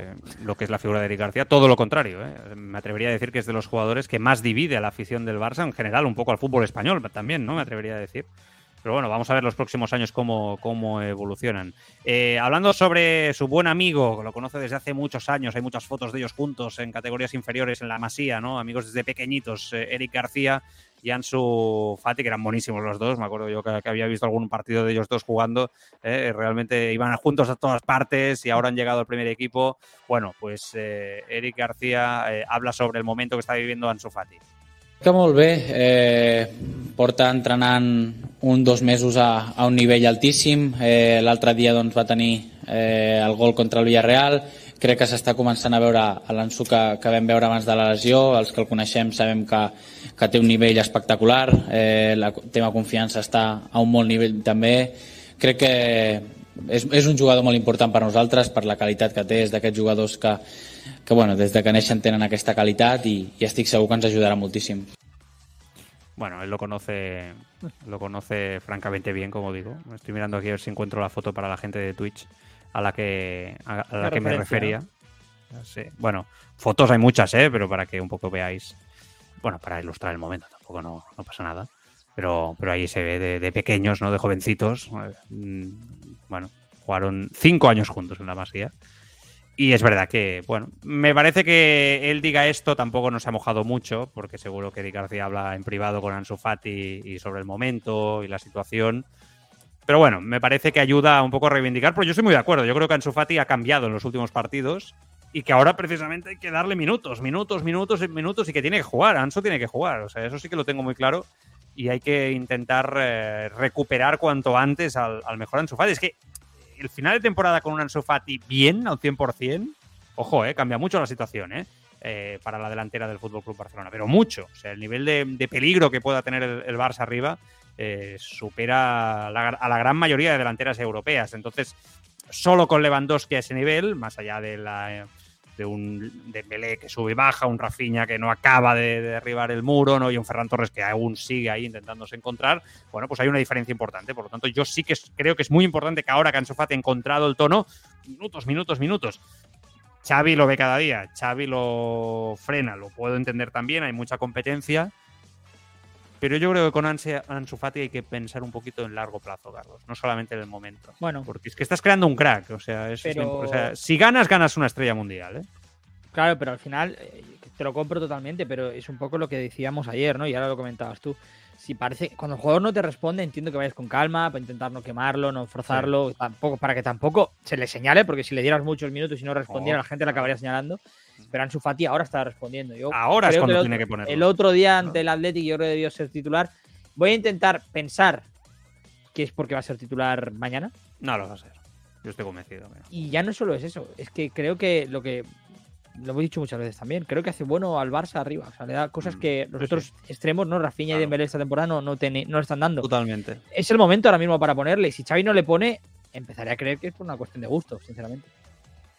¿Sí? ¿Hasta ese punto? Hombre, no por protegerlo. Hombre, ahora, mismo, ahora mismo tiene.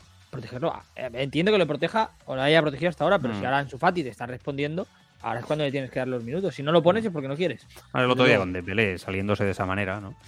Pues. Ah, pero a Dembélé le das 10 partidos y salen uno en dos. Ansu Fati lo que le has dado a estos partidos, dos partidos que le has dado. Mira, hay, hay ahí. una explicación ayer de, de Xavi Torres eh, hablando en, en TV3 lo tengo por aquí, a ver si lo puedo compartir, lo escuchamos.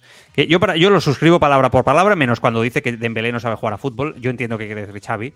Eh, para mí se pasa un poco en esa expresión. Ah, pero yo, bueno. yo estoy de acuerdo eh, con lo que dice. Sí, pero, pero cuando dice que no sabe jugar a fútbol, o sea, a ver, se puede decir que no entiende el concepto Claro, bueno, sí. táctico, etcétera. Puede ser un poco, porque estamos hablando de un profesional de élite. O sea, el fútbol sabe jugar Dembélé. Otra cosa es que no entienda los conceptos o no tenga Ah, facilidad sí, para entender lo los conceptos, ¿no? Pero vamos a escuchar lo que decía Xavi Torres ayer en, en, Lonza eh, sobre Dembélé. Y yo creo, y es, es coincide ple- plenamente con lo que decimos aquí Carlos y yo cada día. Pero bueno, que lo, pongo por si a- eh, que quede claro, ¿no? Otro, otro concepto, otra idea que quizá Xavi Torres lo explica mejor que nosotros. però no és eh, el Dembélé de sempre. No, no. És el Dembélé de gairebé mai. I per això... Eh, és a dir, un futbolista d'aquest nivell ha de ser més regular. I el problema de Dembélé és que és un jugador que fa jugades, però que no sap jugar a futbol. I quan li surten les jugades, doncs queden partits com, com el d'ahir. Però com no sap jugar a futbol, quan no surten les jugades, queden els desastres habituals de 5 anys i mig de rendiment zero. És veritat que ha tingut moltes lesions, però no és... Eh, Bueno, estamos de acuerdo, ¿eh? Con lo que. Yo se lo compro escuchar. 100%. Yo también. Sí, sí. Yo también. Eh, otra cosa es eh, hasta el punto de que Dembélé llegara en un momento determinado a entender precisamente ese entorno táctico que le rodea y brillar a ese nivel con 10 partidos seguidos, o 20, o hacer un nivel una temporada así. Entonces, para mí, entonces, el debate sobre si Ansu Fati Dembélé estará justificado. Hasta ese momento, que de momento no lo he visto nunca, creo que pierdes mucho más que ganas, ¿no? Si a Ansu no le da regularidad, ahora que lo puedes recuperar. O sea, para mí debe ser una misión, vamos, eh, condición sine qua non recuperar a Ansu Fati esta temporada, ¿no? Mm. Eh, en, ese, en ese aspecto. Yo creo que Xavi Torres se refiere precisamente a esto, ¿no? De que es un chaval de Embelé, pues que ah, el otro día estuvo muy bien, estamos de acuerdo todos. Se salió, se puede decir claramente, ¿no? Hizo un partidazo. Vamos a ver si esto tiene una continuidad en 10 partidos. Normalmente no, pas- no pasa. Tiene que llegar pasando. O Xavi piensa que puede llegar a pasar. Pero quizá no pase nunca. Yo siempre lo comparo con Nicolás Anelka. Anelka te hacía un partido impresionante que todo el mundo decía, es un jugador extraordinario. ¿Qué nivel Anelka? ¿Qué nivel Anelka? Tal. Y 10 malos. Y, Claro, pero el problema es que. Anelka no le daba 60 partidos por temporada, no lo tenías como extremo de 60 partidos por temporada y Dembélé ahora mismo No. está proyectado como ese tipo de extremo. Y ese es el gran problema para, para el Barça. Que ha mejorado, que no se lesiona tanto. O sea, que hay muchas Ha cosas mejorado, buenas, pero, ¿no? pero no, de momento a día de hoy no es regular. Y eso es la, la realidad. No regular. No es regular, no. No, es verdad. Sí, sí, tienes razón. Bueno, a ver, eh, vamos acabando, pero está el tema de la vaga, de la, de la huelga, ¿no? Eh, está, está ahí, o sea, yo creo que es una realidad la huelga esta de la liga eh, para este fin de semana. Quizá hay que decirlo, la gente lo tiene que saber ya, que este fin de semana no, no va a haber partidos de liga, porque parece que Tebas tiene intención de llevar al- el, el parón eh, de la Liga Española una- a ser una realidad. La Federación Española ya dice que no lo ve ni legal, ni ético, ni moral y que no está ni va a comprar esta, esta huelga, pero parece ser que el señor Tebas, como digo, tiene intención de llevarla hasta el último punto y a mí me parece que sería tremendo, lamentable y que solo faltaría esto al fútbol español verse en unas circunstancias como, como estas. Todo viene por la nueva ley del deporte, eh, que puede invalidar, recordemos, el acuerdo de CVC. Fijaos qué ridículo para Tebas y la Liga, ¿no? Que esta nueva ley invalide la, invalide ¿no? este, este acuerdo, pero no solo eso, sino porque principalmente lo que permite es a, a equipos como Barça o Madrid adherirse a una competición que no esté federada, ¿no? que no tenga nada que ver con la Federación Española de Fútbol, con la propia organización UEFA, FIFA y con la Superliga como gran sombra que aparece ahí ¿no? Eh, en el horizonte acechando. Eh, estoy escuchando en las últimas horas auténticas barbaridades de todo tipo. eh, incluso han entrado ya los políticos a, a jugar la partida con no podéis esperar otra cosa, el nivel político de este país, pues claro, la partida se está jugando bajo mínimo intelectual, ¿no? Es claro, sí. Que, que- que, o sea, el nivel fútbol español es ya orangután nivel, con todos los respetos para los orangu- orangutanes, eh, de verdad, lo digo, pero es nivel ya, pues como digo, bajito. Entonces han entrado los políticos españoles que son los que nos tienen como nos tienen, ¿no? En esta situación eh, y, y que, bueno, ya desde hace años, ¿no? Hay una falta de responsabilidad política enorme en este país y que han entrado y entonces el nivel lo han acabado de destrozar, como digo, ¿no? Bueno, ayer, eh, por poner un corte que escenifica un poco la, la queja de los equipos, de los 16 equipos, es así, ¿no, Claro, Son 16, ¿verdad? Los- Sí. el resto de equipos de, de Primera División, los de Segunda están todos con, con la Liga y con Tebas. Eh, hablando Kiko Catalán en Onda Cero, el presidente del Levante, ¿no? Sobre la Superliga y pidiendo que si Barça o Madrid eh, quieren jugar la Superliga, pues que de- lo que deberían de hacer es dejar inmediatamente la, la Liga Española. Yo, yo no sé si es que la gente se ha trastornado o qué, o qué está pasando. algún club que participa en otra competición, en este caso llámese Superliga, por ejemplo, eh, se le retira la licencia para jugar competiciones nacionales. O sea, quiere decir que no, puedan o jugar. no se le otorgue licencias. ¿Por qué no se le otorgue licencias? Sí. O sea, o si juegas en la Superliga, te olvidas de jugar en la no Liga sería Española. automático, ¿no? Tendríais la opción de vetar. Sí, efectivamente. Bueno, Pero- pero eso es-. A ver, pero eh, yo te, lo te hago un poco, si quieres, de abogado de- del diablo. Quiero decir, lo que muchos pensamos es, vale, estos dicen que si Madrid y Barça se van a la Superliga, perfecto, pero que no vengáis a jugar a la Liga Española, que no os queremos. Claro, pero la haciendo de abogado del diablo te digo, ya, pero la Liga Española perdería muchísimo sin Madrid y Barça.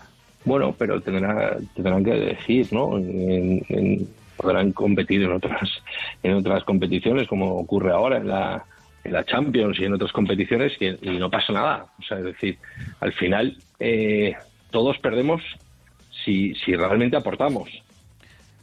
Si, si no aportamos, si lo único que hacemos es perjudicarnos, o sea, si tenemos unos compañeros de viaje que lo único, lo único que, que buscan muchas veces es entorpecer, poner piedras en el camino, pues entonces al final tampoco creas que, que, que esos compañeros de viaje son los que nos enriquecen realmente, ¿no? Es tremendo. Porque estamos asistiendo al, al abuso de poder del pequeño eh, para mí, eh, bajo mi punto de vista, eh, menospreciando a, los que realmente manejan esto. O sea, nos puede gustar más o menos. Yo, yo puedo estar de acuerdo en que me gustaría que, que hubiera una liga mucho más equidistante y que todos los equipos tuvieran un porcentaje o una importancia más o menos relativa entre ellos, mucho más parecido a la Premier League.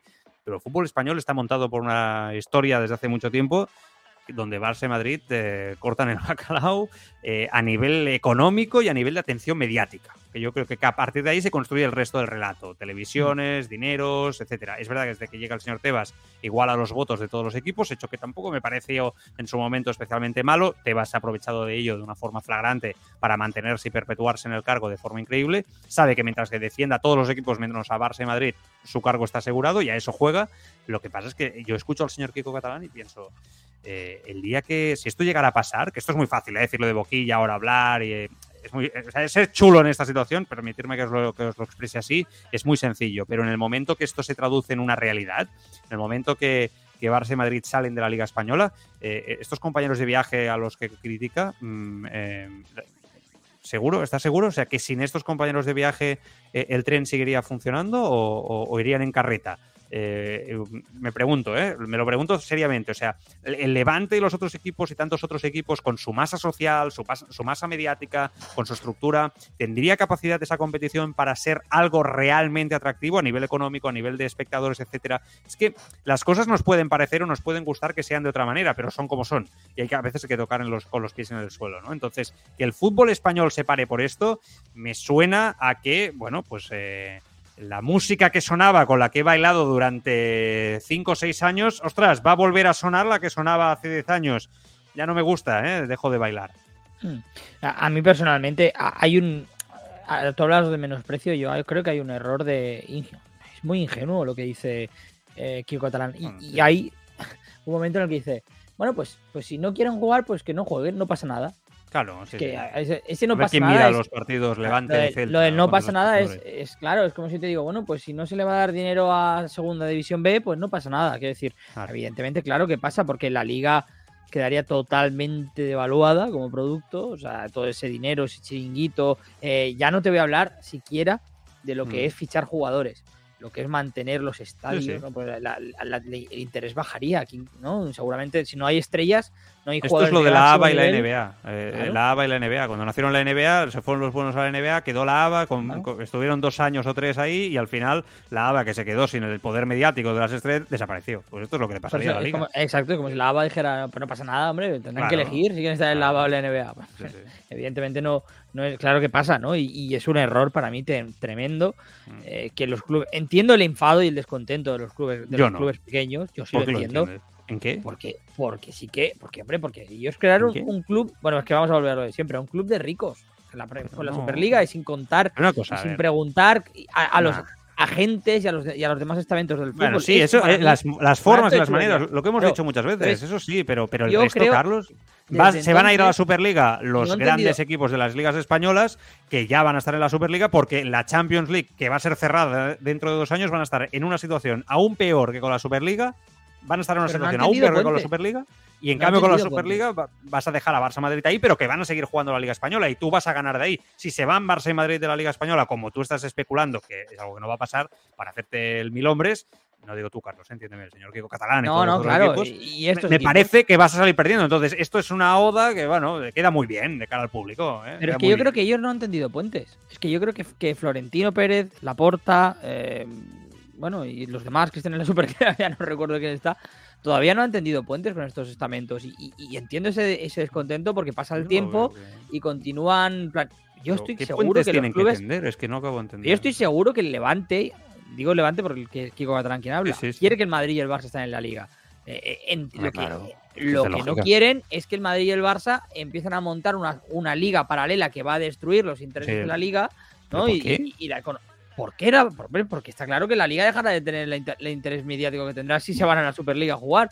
La gente verá los partidos de la liga como vemos hoy en día los de la Copa del Rey, prácticamente. Si tienes un Barça Arsenal, un Madrid Liverpool cada fin de semana, pues no, cuando te toque al Barça ir al Ciudad de Valencia, dirás, bueno, pues este, pues igual no lo veo, este, ¿no? Y el Barça no, no pone a los titulares. al final, oye, eh, la- las de audiencias de, partidos- las, audiencias, las audiencias de la liga no crecen. Ya, es que es una realidad. Pero, bajan. pero es que con esta realidad, con No. esta realidad alternativa que sería Superliga, Aún bajarían más. Claro, la destrozas por completo. Bueno, yo Entonces, no yo lo creo entiendo que ellos No lo creo así. entiendo que ellos estén descontentos porque no se les ha ofrecido o no se ha contado con ellos, No lo veo así. no se ha cooperado para poder No construir veo una nueva realidad. En el Creo mundo que estamos mezclando plátanos con mandarinas, manzanas. Pero el problema es que Kiko Catalán- y No, Kiko no- no lo creo así, Carlos, déjame contestarte. los- No lo veo así por una cuestión muy simple, porque es que al final, eh, ellos, tú, igual que ahora, yo me intereso por la Champions League y me intereso cuando juego la Champions League, cuando juega mi equipo y veo la Champions League, ve- miraré la Superliga, la disfrutaré con el mismo prestigio que representa la máxima competición europea, que sería esa Superliga, porque yo creo que UEFA aún tendría su competición, porque son, son como son, pero bueno, de momento sería Superliga, y que el fin de semana, o incluso entre semana, algo que creo que no se puede descartar, cuando hubiera partido de liga, yo me interesaría por el Barça Celta igual que lo he hecho ahora. ¿Por qué lo voy a dejar de hacer? No, no entiendo ese argumento, no entiendo por qué voy a dejar larga- de ver el Barça Celta. Porque es Es una no lo competición mucho menor.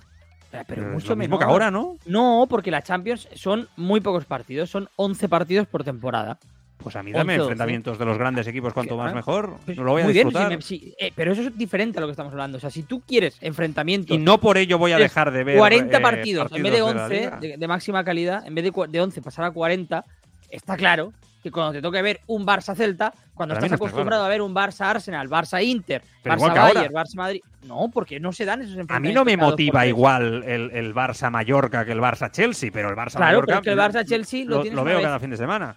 Claro, pero Eh. el Barça-Chelsea, para empezar, lo tienes una vez cada, pongamos, cuatro años, Barça-Chelsea. Ahora lo tienes asegurado con la Superliga, es un partido más de liga. Por tanto, vas a querer ver el Barça-Chelsea Yo siempre. no, no lo y creo. cuando te Pero toque bueno, no un acuerdo, miércoles ¿eh? a las Pero no 9 pasa un nada. Mallorca-Barça, a la gente no se va a poner el partido. Porque evidentemente la Superliga se va a jugar los fines de semana. No, no, no, yo, entiendo este punto de vista que tenéis y, y, oye, no lo, no lo comparto, lo respeto, por supuesto, solo faltaría. Yo no, es que no, no es que no, lo, lo- lo respeto, ¿eh? solo faltaría, Carlos, ya lo sabes, pero eh, no acabo de entenderlo. O sea, no entiendo el, argumenta, el argumento de que por ver muchos partidos muy buenos voy a dejar de ver eh, eh, fútbol. Pero quizás soy yo el raro, ¿eh? Oye, tampoco no, no, no vamos, yo quizás la mayoría pensáis así y yo soy el bicho raro que, que, lo vive diferente y lo vive de otra manera. No quiero tener la razón de algo que, que evidentemente no tengo por qué tenerla, pero sí que es verdad que a mí me parece, ese es mi punto de vista, insisto, no tienes por qué estar de acuerdo, que mm, el fútbol español, si sigue por este camino, este camino, ¿eh? el de ahora, el de enfrentarse a Barça Madrid, el tema de la Superliga y tal, entonces sí que va camino de hundirse. Eso es lo que yo veo. O sea, tú dices que si la Superliga, el fútbol español y tal, yo creo que es mucho más rápido hundirse como fútbol español con el camino que están, ah, con, este concepto de actuación muy sorprendente Depende- depende de de lo que los catalán, del, del Sevilla, el del No, otro, el Tebas Lo que yo compañía. considero que no es correcto, es lo que te digo. Yo, yo lo que te estaba diciendo antes, yo creo que el método con el que Barça, Madrid, los clubes de la Superliga han roto no fue el correcto en su momento. Y yo creo que en vez de entender, de tender puentes, no se ha tendido ningún puente a día de hoy. Yo creo que la situación sigue siendo la misma, solo que se ha congelado, ¿no? Se ha enfriado. Puente, es que no. Porque yo creo que entiendo que los clubes de fútbol pequeños quieran saber qué va a pasar con ellos si se hace una Superliga. Yo creo si que, es que nadie Madrid Barça todavía nada. no se ha explicado. Hombre, va a quitar la cantidad de partidos. ¿Pero qué dices, Así- Carlos? Si la liga que- se va a disputar igual. Si estos equipos no, juegan nunca competiciones no, europeas. Porque se van a jugar. O una vez cada ya lo veremos. años. Eso ya lo veremos. Todavía no lo sabemos. Ya- Sí, hombre, todavía no se sabemos cuándo se van a jugar los partidos de liga, cuántos partidos van a ser los de Superliga Pero- pero- y cómo no- va a afectar en el. en Pero no en la engañes, no engañes, no engañes. No, no, engañes. no estoy engañando. Que la Superliga, que la. Superliga sí que ha dicho los partidos que se van a jugar, Carlos. Y Todavía no se ha presentado y- el formato oficialmente. No, pero sí que han dicho que va a ser, eh, que no va a ser exclusivo. ¿Eh? Que en este caso sí que va a haber opción de entrar en la Superliga si equipos de las ligas nacionales quedan en posiciones, etcétera, etcétera. que era algo que al principio no estaba muy claro y que después se han encargado de repetir muchas veces. Ah, al Vamos a dejar no las estaba- cosas claras. Al principio estaba, estaba claro que no. O sea, Claro, pero ahora ya está claro ellos- que sí. Ya, pero, las cosas cambian, principio hay que estaba decirlas claro que como no. Yo tal. lo que te estoy diciendo es que Claro, desde pero no nos vale el discurso de hace dos no años. se ha tendido ningún puente por parte de los clubes de la Superliga. Para Pero es mí, que no tienen por qué, Carlos. ya, no tienen por qué si te pones desde el punto de vista de ellos. Pero yo creo Pero que es que no los fútbol- perjudican tampoco, Eh, en sí nada. los perjudican, para mí sí los No, yo no perjudican, lo porque están devaluando la competición nacional que Mira, es la liga. Había un me comentario en el chat que, que me preguntaba, que me, me parece decía, una "Perdona, cosa muy rápida, y con esto acabo. Me parece que hay una, una- un- para mí, eh, bajo mi punto de vista, que estos equipos quieren rascar de algo que no les pertoca. Y me encantaría ¿eh? que el Levante tuviera la fuerza mediática de estos equipos grandes. Me encantaría ¿eh? que pudieran rascar. O sea, yo, mm, vamos, que todo el mundo rasque y que todo el mundo se gane la vida y que suba y que mejore. Vamos, yo le deseo lo mejor a, a- a todo el mundo. No tengo nada en contra, de hecho. Tengo amigos incluso que trabajan en muchos de estos equipos. Pero creo que quieren rascar de algo que a día de hoy no están a la altura de poder rascar, que es una competición de los equipos más poderosos del mundo. La Superliga en este caso, con una idiosincrasia y unos problemas para ir de la mano con UEFA, que se ha acabado, se han cansado y han dicho, hasta aquí nos vais a tomar el pelo ya. ¿Sabes? Y eso me parece muy adecuado. Y me parece que los pequeños aprovechan un cambio de situación con el señor Tebas al alza y como líder de todo ello para decir, a ver qué rasco de todo ello. ¿Eh? Me quejo con el discursito moral. No sé que esto que estoy diciendo quizá no es popular, pero os hablo con franqueza. Y a ver qué rasco. Y en el caso del señor Tebas es monto, la, monto el show, monto la huelga, monto en cólera. ¿Para qué? Para no perder mi asiento. Pero bueno, es Yo- mi punto de vista, insisto. Quizá Yo no- estoy yo equivocado, no sé. No, pero es lo que te digo. Yo lo que considero es Bueno. que la industria del fútbol es muy diferente al mundo del fútbol. La industria del fútbol, que la llevan ahora mismo la élite europea, eh, considera que es mucho más rentable un producto como la Superliga. Primero, porque no dependes del intermediario, que es la UEFA, que además está poniendo trabas en todo momento. Creo que todo, todos estamos de acuerdo con eso. Pero el modelo que plantea para mí es tremendamente egoísta. Vale. Eh, Me, me comentaba DJ Jols en el chat. de No, que le- si- le- le- leamos todos los mensajes, va, porque sé que mucha gente ha estado opinando y con eso nos vamos, que hoy vamos, eh, vamos tardísimo, va. DJ Jols que me decía que no es verdad, que porque, porque ahora también nos interesamos por una competición menor como es la Liga respecto a la Champions. Y yo, Mm. insisto, evidentemente que es así, pero mm, se juegan 11 partidos cada club grande de, de Champions. Y alguno de ellos, como tú comentas, DJ Jols, son contra el Victoria Pilsen. No es lo mismo, por tanto, el Barça-Chelsea, que se da o el Barça-Bayern de mañana, que tener el Barça-Bayern asegurado no. por temporada en, en Yo, sinceramente, eh, ese argumento no veo que se sostenga en, en- en- en nada sólido lo que estáis argumentando. No, es que hablo no, de, en plural, no solo por ti, No, sino no. porque hay mucha gente que Yo te como estoy tú. ¿eh? diciendo en el efecto No que tiene en la liga. Yo te El argumentario para mí no es sólido lo que diciendo. No, Bueno, pero es me que atrevería incluso a decir que no tiene lógica. Sí, no, pero es que tú crees que yo te estoy hablando de que nos va, nos va a dejar de interesar el Barça Bayern. Yo no te estoy diciendo eso. Yo te estoy diciendo que el hecho de que tengamos un Barça Mm, Bayern cada no, sí, semana entiendo. Va a dejar de decir que nos interese el ya. Barça Bayern. Para mí no a tiene que lógica nos lo gusta que el fútbol no, pero al aficionado, al, al- al que consume el fútbol, Vale, vale, vale. la liga, porque no hay otra cosa. Lo vemos pues diferente, no pasa nada, Carlos, no pasa nada. Sí, eh, lo- lo- y para mí no tiene lógica lo que estáis diciendo, lo que estás diciendo tú, pero, pero ok, lo, lo vemos diferente, ya, ya veremos, eh, ya veremos. A ver, va, va, mm, dos y nos vamos, eh, que es tarde. Sí, Gaspar barra baja PC decía 3.200 millones recibe por derechos TV la UEFA, el ganador de la Champions recibe 100 millones, un poco lo que comentabas. Y ahora uno que acaba de entrar, que decía la porta. Guinness. Que lo presenten bien y se comen a la UEFA. A ver, Carlos, ¿cuántos clubes pequeños juegan la Champions actual? ¿Cuántas veces el Leva- el Levante la ha jugado? Lo que hay Vale. trasfondo es lo que hay. Intereses de personas que ni pertenecen a los clubes pequeños. Y dinerito, dinerito, dinerito del fútbol, ¿eh? Ya sabemos que va esto. Ay, Dios. Bueno, eh, lo que sí que estoy viendo, Carlos, y no me lo negarás, es que de, dos años hacia aquí ha habido un cambio de la opinión, viendo los comentarios un poco me he ido dando cuenta, respecto a la Superliga, ¿eh? De la gente.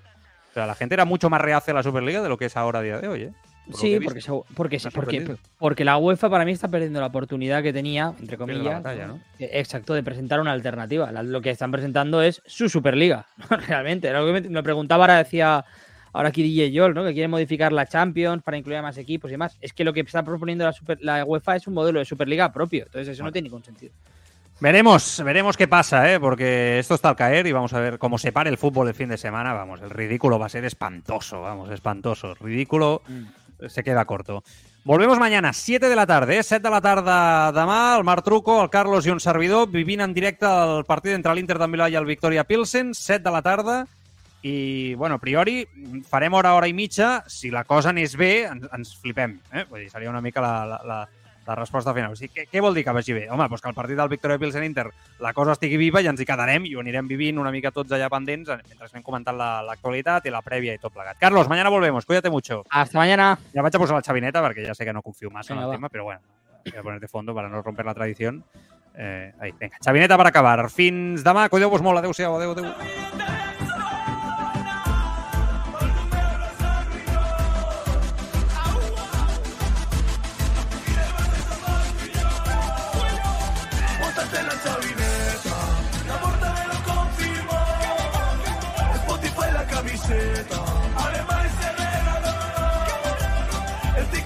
se respeta, Bartomeu nos arruinó.